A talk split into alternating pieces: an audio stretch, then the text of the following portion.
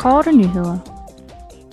Europaparlamentets økonomi- og valutaudvalg vil i morgen afholde en offentlig høring angående EU-sanktionernes økonomiske effekt på EU's og Ruslands økonomi.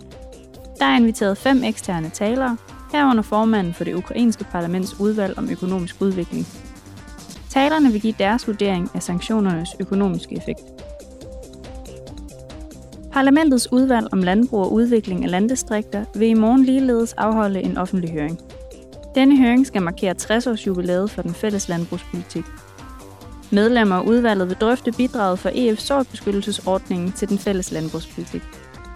Ordningen er den største af sin slags og sikrer intellektuel ejendomsret til nye plantesorter. Udvalgsmedlemmerne vil også drøfte de stigende energipriser. Sundhedsudvalget og udvalget om borgernes rettigheder og retlige og indre anlægner vil afholde et fællesmøde angående det forslag om det europæiske sundhedsdataområde, som kommissionen fremlagde i maj. Formålet med forslaget er at styrke den enkeltes mulighed for at tage kontrol over egne sundhedsdata, samt at styrke brugen af disse data til at forbedre sundhedsydelser, forskning, innovation og politiske beslutninger. Forslaget vil desuden give EU mulighed for at udnytte det potentiale, som en sikker udveksling af data giver.